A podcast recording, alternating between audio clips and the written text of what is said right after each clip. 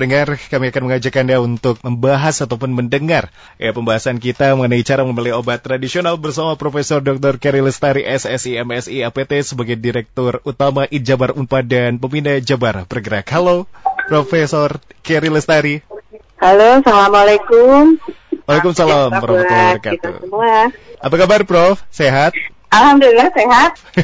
Terima kasih telah menyempatkan waktu untuk bergabung bersama kami bersama Profesor akan membahas dan menginformasikan mengenai cara memilih obat tradisional nih Prof. Ini ya, kita ya, langsung ya. saja. Profesor bisa langsung untuk menjelaskan ini apa yang dimaksud dengan obat tradisional Prof. Silakan. Ya, obat tradisional itu adalah bahan atau bisa dalam bentuk ramuan yang merupakan terdiri dari tumbuhan, baik bahan dari hewan, dari mineral, ataupun juga sediaan sari gitu ya. Sari itu seperti yang di apa namanya direbus dan sebagainya.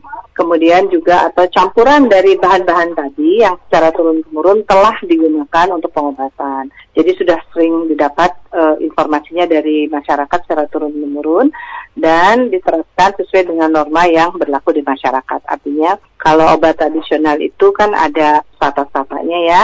Ada misalnya mulai dari jamu, kemudian juga ada juga eh, nanti naik ke obat herbal terstandar, nanti naik lagi ke fitofarmaka. Begitu kan?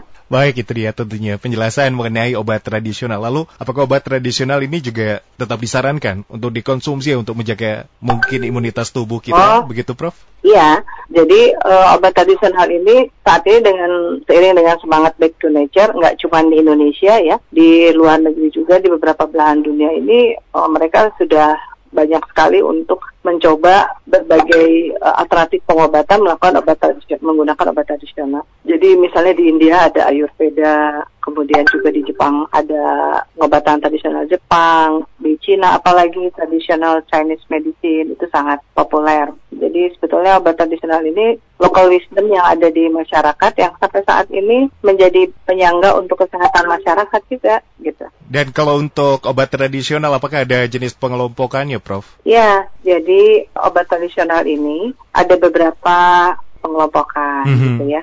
Jadi yang pertama itu jamu ya. Jamu ini obat tradisional yang digunakan secara turun temurun gitu ya. Turun temurun itu misalnya kunyit, jahe gitu ya. Bentuknya masih dirajang, tidak dalam bentuk sediaan farmasi yang sudah di apa diolah dalam bentuk ekstraksi dan sebagainya. Nanti ini tuh memang khasiat dan keamanannya berdasarkan pengalaman yang ada di masyarakat. Kan toh selama ini dari tahun ke tahun menggunakan kunyit nggak ada tuh yang keracunan sampai meninggal misalnya gitu ya. Jadi memang dia tanpa ada uji klin, uji preklinik. Khasiat dan keamanannya sudah diuji melalui penggunaan oleh masyarakat sekian lama secara turun temurun. Jadi ini yang biasa suka ada kan ya kan e, misalkan jamu empon-empon Hmm, kayak hmm. gitu ya. Itu adalah obat tradisional. Yang tadi yang terkait dengan jamu. Tapi kemudian kita ingin juga dari pengalaman empiris itu kita ingin nilai secara saintifik diuji bagaimana uji aktivitasnya dan uji toksisitasnya untuk evidence based bagi keamanan dan khasiatnya. Maka uji preklinik ini kita lakukan kepada hewan coba sesuai dengan standar pengujian yang ada. Hewan cobanya juga dibuat model sesuai dengan model penyakit yang ingin dijadikan klaimnya untuk khasiat apa. Maka jika sudah ada hasil uji preklinik kepada hewan coba seperti ini, maka statusnya naik nih jadi obat herbal terstandar atau OHT Mhm, ya. mhm, Nah, nanti obat herbal terstandar ini bisa naik lagi statusnya mhm. karena berdasarkan uji preklinik ini kita sudah punya klaim keamanan dan klaim efikasi atau aktivitasnya. Maka kemudian kita cobakan secara uji klinik kepada manusia. Nah, kalau sudah ada data uji preklinik dan uji kliniknya, maka kelihatannya naik lagi menjadi fitofarmaka. Nah, sebetulnya eh, listener semua Fit Radio ini bisa mendengar juga atau bisa melihat dari izin yang di apa namanya dari nomor izin yang tertera dari kemasannya. Biasanya kita Mhm, lihat mhm. kalau misalkan dia memang obat tradisional hasil produksi dalam negeri, nah ada kriteria eh, tiga tersebut gitu ya. Jadi ada TR untuk obat tradisional atau jamu, ada TL gitu ya. TR ini adalah obat tradisional produksi dalam negeri. TL ini adalah uh, obat tradisional produksi dalam negeri tapi dengan lisensi. Misalkan dia obat tradisional untuk uh, imunomodulator tetapi lisensinya dapat dari Cina misalnya gitu. Itu namanya TL. Namun kalau untuk obat tradisional yang diproduksi di luar negeri atau diimpor maka tanda dari e, izin edarnya adalah TI. Nah itu dari apa namanya masyarakat semua bisa melihat status obat ini apa. Itu untuk kriteria jamu. Dan biasanya kalau jamu di kemasannya juga ada ada apa lingkaran hijau dengan daun di tengahnya. Di bawahnya ada tulisan jamu. Jadi kalau jamu ini memang efek dan khasiatnya berdasarkan yang kita ketahui secara turun temurun. Belum mm -hmm. ada uji mhm. apa pun gitu. Nah, kalau tadi kita sudah punya uji terhadap hewan coba, yeah. uji preklinik, nanti tandanya itu di kemasannya ada lingkaran hijau, ada bintang tiga. Hmm. Nah, ini ada tulisan di bawahnya obat herbal terstandar. Nah, untuk izin edar di BPOM-nya, sign di depannya ada HT ya herbal terstandar. Nah selanjutnya tadi kalau misalnya fitofarmaka seperti apa? Nah fitofarmaka ini khasiat dan keamanannya sudah terbukti langsung ke manusia. Nah, ada lingkaran hijau dan di tengahnya ada panah ada ada enam panah yang berkumpul di satu titik. Ini e, di bawahnya ada tulisan fitofarmaka dan sign untuk izin edarnya adalah FF atau fitofarmaka. Gitu Mas Regi. Baik, terima kasih Prof. Jadi tentunya itu uh, yang harus diperhatikan ketika memang kita ingin mengkonsumsi ataupun membeli obat tradisional. Sebetulnya mudah tidak Prof uh, membedakan uh, mana obat tradisional yang aman dan uh, kemungkinan mungkin ada yang beresiko begitu dalam artian uh, izin aja tidak ada, terus juga mungkin keterangan-keterangan yang tadi Prof sampaikan juga tidak ada. Seperti apa sebetulnya untuk memudahkan masyarakat? Jadi, uh, untuk memudahkan mencari obat tradisional yang iya. memang yeah. terbukti keamanan dan hasilnya mm -hmm, yang mm -hmm. secara standar minimal aja gitu ya. Yeah, yeah. Maka saya sih menyarankan untuk mencari obat tradisional yang sudah ada izin edar dari BPOM. Karena dengan adanya izin edar dari BPOM ini, maka produsen tersebut sudah menjamin bahwa sarana produksinya memang terstandarisasi dan pasti higien gitu. Karena keluar izin edar dari BPOM juga, pertamanya itu harus keluar sertifikasi tempat produksi dulu. Jadi dia, dia diyakini bahwa tempat produksinya higienis sesuai dengan standar tempat produksi untuk obat tradisional. Nah, kemudian barulah dia bisa mengajukan uh, izin edar di BPOM. Jadi uh, pertama lihat dulu ada izin edar dari BPOM atau tidak. Kemudian yang kedua, karena begitu ada izin edar dari BPOM, maka informasi di dalam kemasan itu memang sesuai dengan informasi berbasis data yang sudah disubmit ke BPOM. Nah itulah mungkin, nah nanti teman-teman atau listener semua bisa mm -hmm. melihat juga dari izin edar ke BPOM itu dilihat saja di website BPOM-nya. Hmm. Dia mengajukan izin edar itu hmm. untuk apa?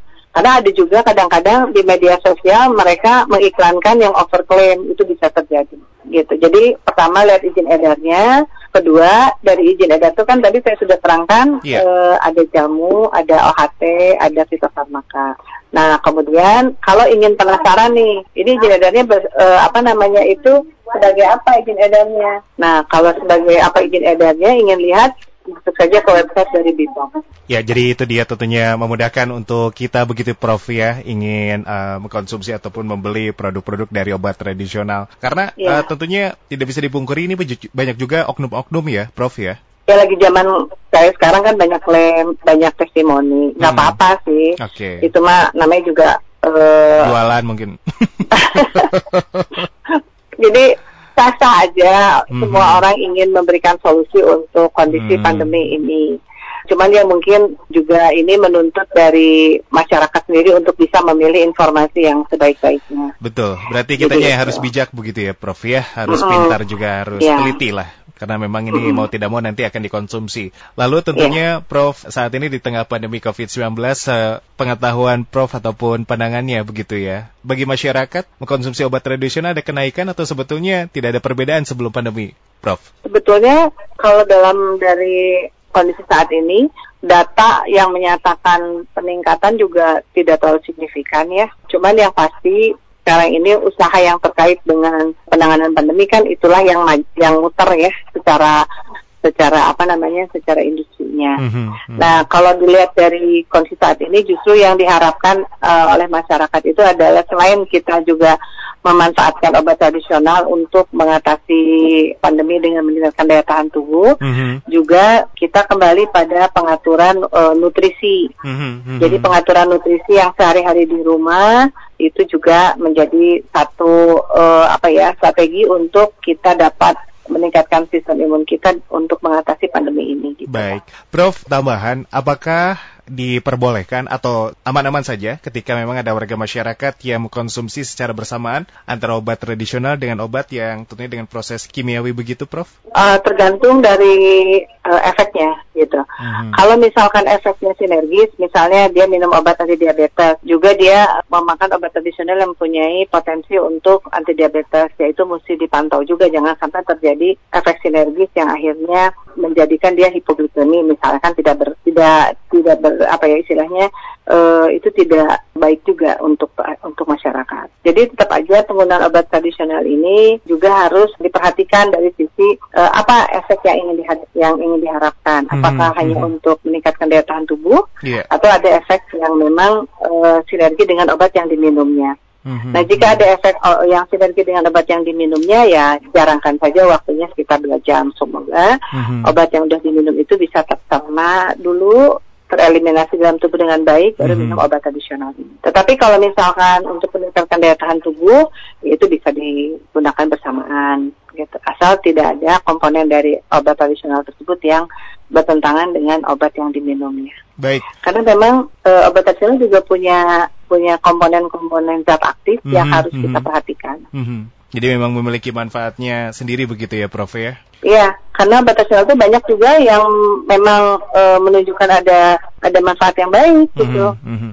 Dan memang ini bersinergi dengan dengan pengobatannya karena kalau kita lihat dalam terapi itu ada terapi farmakologi dan ada terapi non farmakologi. Terapi farmakologi itu menggunakan obat, terapi non farmakologi itu kita mengatur life lifestyle, mengatur nutrisi, termasuk di dalamnya biasanya nutrisi ini di, di- ditambahkan juga suplemen. Nah, suplemennya itu bisa menggunakan tadi eh, obat tradisional tersebut. Baik, itu dia tentunya ya. Sudah disampaikan oleh Profesor Dr. Kerry Lestari mengenai cara memilih obat tradisional.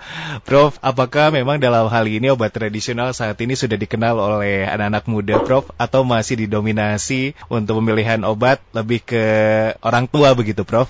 Kalau saya pikir sih sekarang eh, anak muda, orang tua juga mereka familiar dengan obat tradisional, apalagi saat ini kan obat tradisional sudah banyak bentuk sediaan yang inovatif ya. Misalnya obat tradisional nggak perlu lagi harus selamanya direbus gitu ya, atau di atau di apa namanya disiapkan dengan dengan kondisi yang yang merepotkan kan. Kalau misalkan dulu mah rajangan, kemudian harus direbus dulu dua gelas jadi satu gelas, nunggu lama, didinginin dulu baru diminum. Dulu mah kan gitu ya. Iya. Kalau sekarang kan udah ada dalam bentuk pil, dalam Hmm. bentuk apa sachet Iya, yang iya. diminum secara praktis, dalam bentuk teh celup itu banyak macam-macam. Lebih praktis begitu ya, Prof, Iya ya lebih saat praktis ini. dan dan kadang-kadang eh, obat tradisional yang sekarang ini dikembangkan Mhm. rasanya enak tapi dia punya manfaat. Nah itu Hmm. bisa juga disebut sebagai nutrasikal atau Baik. pangan fungsional. Diracik dengan packaging sedemikian rupa untuk Iya. tentunya ya bisa lebih dikonsumsi oleh praktis. Jadi anak-anak muda juga sekarang sih cenderung